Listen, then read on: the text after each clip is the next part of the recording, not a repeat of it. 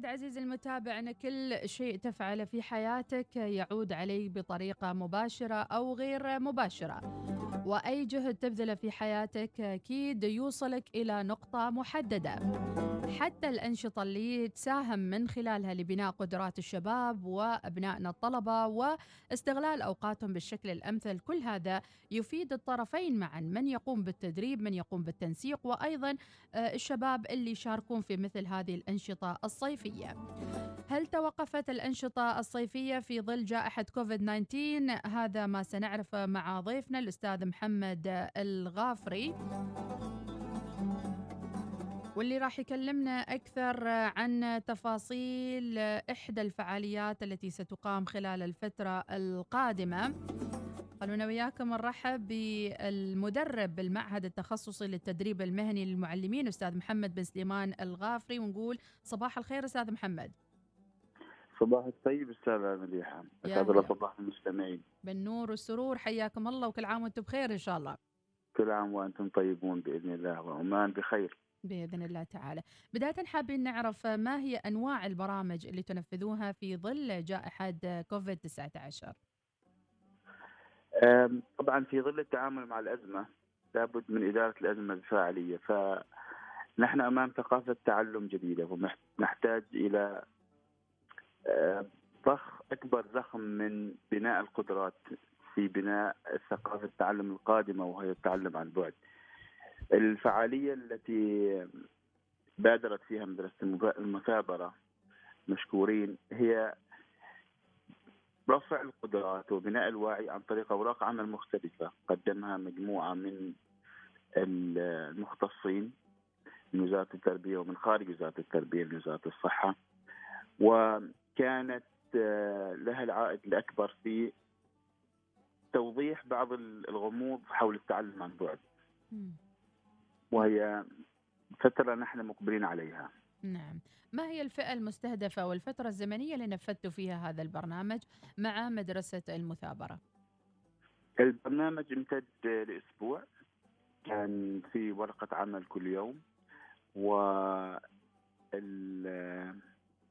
تنوعت أوراق العمل بين أوراق تتعلم تتعلق بجوانب في التعلم عن بعد عن أدوات التعلم عن بعد عن منصات التعلم عن التخطيط الجيد للتعلم عن بعد وأيضا كان في ورقة توعية من وزاره الصحة. نعم.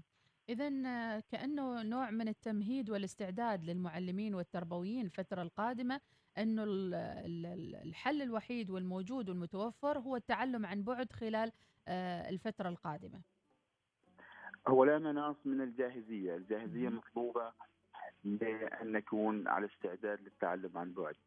إحنا قضينا فصل دراسي كان تعطل فيه التعليم نوعا ما وكان في محاولات من هنا وهناك. ولكن عام دراسي قادم يتطلب الاستعداد من الآن. الجانب النفسي للمعلم ضروري جدا أن يكون على جاهزية وعلى استعداد لأن يغامر ويخطو الخطوة الأولى في مجال التعليم عن بعد. نعم، ما هي المبادئ الأساسية اللي حاولت تنقلها للمعلمين اللي شاركوا في هذه الدورة؟ وأيضا إن كان ثمة نصائح ونماذج للتعلم عن بعد؟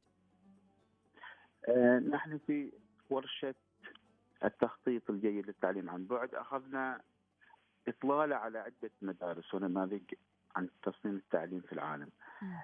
بدأنا بمدخل في المبادئ الأساسية للتعلم. أول مبدأ وهو التهيئة والإعداد إن وضعنا المعلم في هذا التصور المعلم الآن محتاج أن يقضي فترة كافية تهيئة وإعداد لما هو قادم. كما أسلفت الجانب النفسي مهم جدا حتى تكون عنده دافعية. ما هذا مهم جدا. في الإعداد التطوير الذاتي مهم جدا للمعلم.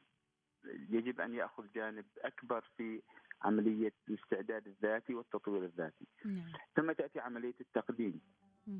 قبل أن يقدم للطلبة يجب أن يقوم بتجارب أداء كثيرة. يطبق ويقدم ويحول دروس. وبعد ذلك نأتي إلى التكاملية وهي التكاملية ما, ما بين الطالب والمعلم. تطرقنا إلى نماذج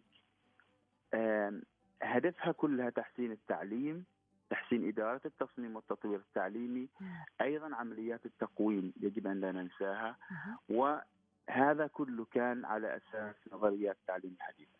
نعم. نظرنا في نماذج مثل نموذج ADDIE نموذج ASSURE نموذج كيمبرلي نموذج فام ونموذج ميرل. تركيزنا كان على ASSURE أكثر شيء لأنه هو أفضل نموذج أدرج التكنولوجيا.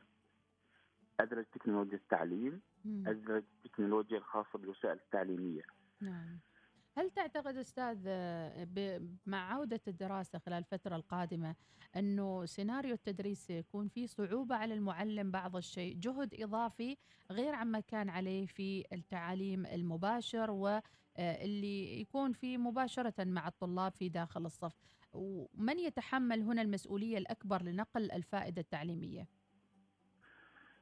لابد إنه هناك آه هي مغ... هي شيء غير مألوف شيء يعني لم يتعود عليه صحيح. المعلم. فلذلك التهيئة هنا تأتي بشكل مهم من الداخل من ذات المعلم. يعني لابد أن يكون على جاهزية تامة لابد أن يتعلم ويجرب. المساحة الآن متاحة أمام المعلم أنه يستكشف.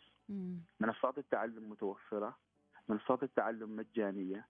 فقط يوفر لنفسه مساحة زمن يجرب فيها يستكشف. يدخل دورات يتعلم كيف يرى هو كيف كمتعلم في صف افتراضي. وبعد ذلك ينقل الصورة كيف أنا كمعلم سأقود هذا الصف الافتراضي. نعم ولا يترك نفسه للمجهول القادم ربما يفرض عليه في المستقبل أنه يبدأ التعليم في عن بعد وهو ما جاهز لهذا الموضوع أي نعم لابد أن هنا التكاتف هذه أزمة والأزمة تتطلب تكاتف نعم. تكاتف من المعلمين الآن هم أن يعملوا على أنفسهم، أن يجتهدوا في بناء قدراتهم. النواة التي يجب أن تبدأ هي مجتمعات تعلم مهنية جديدة. هدفها هي كيف ندير التعلم عن بعد. نعم. كيف ممكن نصمم درس نصمم أنشطة تعليمية يمكن أستاذ يعني محمد يمكن أستاذ محمد يعني نقول التعليم الآن سينتقل نقلة نوعية عما كان عليه في السابق. يمكن أكبر تحدي في السابق وأنا معلمة إنه المعلمة تجيب معينات التعليم. يعني تجيب معاها وسيلة تجيب معاها آه يعني شرح معين آه باوربوينت وإلى آخره. تجاوزنا هذا كله. اليوم ندخل مرحلة من التعليم الافتراضي اللي ما حد عارف عنه الشيء الكثير. آه هو مدخل من بواب الكبرى لمهارات القرن الواحد والعشرين. إحنا مثل ما أسلفتي إنه كان المعلم إذا استخدم باوربوينت أو استخدم التلفاز أو استخدم تطبيق أو اثنين من من تطبيقات الهاتف كان يرى إنه هذا هي يعني طفرة وصل إلى القمر يعني. أيوه. أما الآن لا. نعم. الآن الان الطالب في العالم الافتراضي يعني الطالب صار هو في العالم الافتراضي نعم كيف راح تلفت انتباهه كيف راح تحافظ على دافعيته مم. للمشاركة نعم كيف الأسرة راح تبني ثقافة التعلم هذه كيف راح تتماشى معها مم. هذه كلها المعلم له دور محوري فيها لأنه هؤلاء هم طلابه مم. نعم. قبل كم شهر كان يدرسهم في في الصف الدراسي مم. عامل العلاقات بين المعلم والطالب له دور كبير في دافعيه الطالب للتجاوب الإيجابي مع آه، الصفوف الافتراضيه. نعم، كيف وجدتم تجاوب المشاركين وكم كان عدد المشاركين خلال هذا الأسبوع في هذه الورشة؟ الورشة اللي قدمتها أنا كان المشاركين قريب ال 80 مشارك. وحتى كان من ضمن الطرح إنهم يقوموا بتجربة إنهم يشاركوا بتجربة إنهم آه، ندير حلقة نقاشية على الهواء معاهم. فكانت تجربة جميلة لهم إنهم يكونوا في موقع الطالب. نعم. في موقع من هم عن بعد. وكأنه يتلقى الدرس من شخص بعيد عنه كأنه نعم. يتلقى الدرس في هذه المرحلة. نعم. طبعا تقنيات التعليم لها مجالات مختلفة وواسعة آه، وأكيد ما كل حد عارف فيها. في ناس حتى لما تدخل على تطبيق الزوم ما تعرف متى تتكلم متى تفتح الكاميرا الأمامية. آه، فأعطينا بعض من هالنصائح اللي ممكن تفيدنا أيضا آه، كأولياء أمور وحتى كمعلمين في الفترة الجاية. بروتوكول التعلم عن بعد يختلف كثيرا عن التعلم المباشر الاتصال والتواصل في في المحاضرة المباشرة أو في الصف الدراسي يعتمد كثير على التواصل البصري. آه، في إمكانية تواصل بصري اللي هي الجميع يفتح كاميرا. طبعا فتح الكاميرا هذا إحنا لازلنا ما متعودين عليه كثقافة. صحيح. ولكن لابد أن يكون هناك في تدرج. بمعنى اني أنا أطلب من المتعلم أنك افتح كاميرا فقط لما أطلب منك خلال نصف دقيقة مم. فهنا بدل ما يكون الطالب في موقع أنه فاتح كاميرا مسلط عليه الكاميرا مم. مدة الدرس ساعة كاملة اذا يعرف أنه هو كل ربع ساعة يفتح كاميرا مم. يطرح سؤال أو يطرح عليه سؤال نعم آلية كيف تشجع الطالب يدون ملاحظات مم.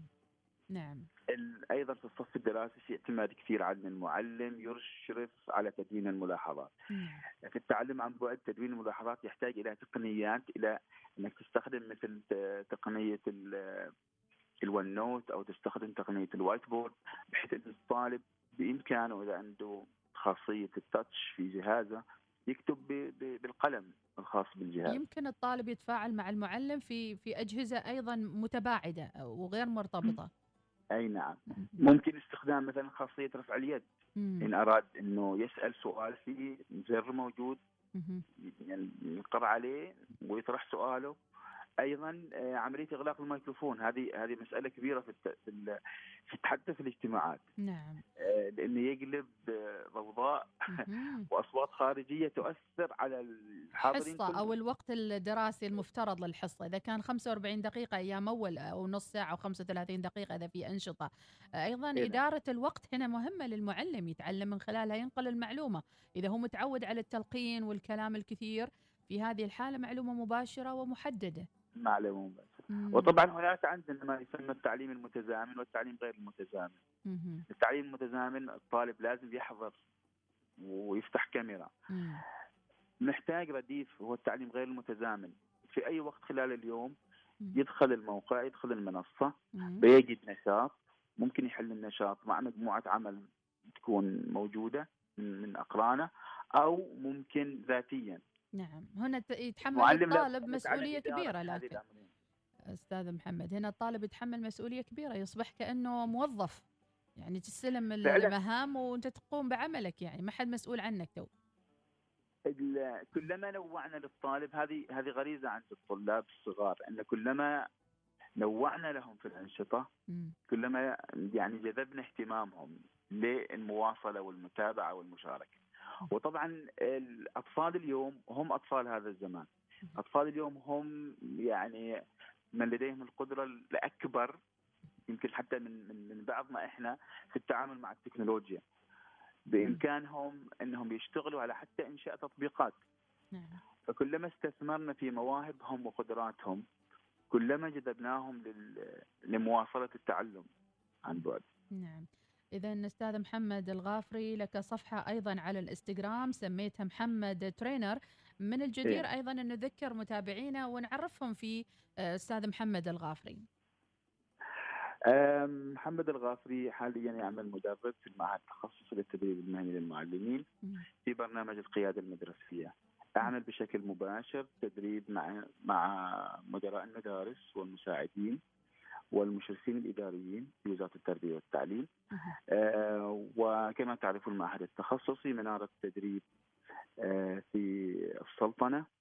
وعندنا بوادر كبيرة جدا إنه قيادة التطوير المدرسي بدأت تأخذ المسار الصحيح.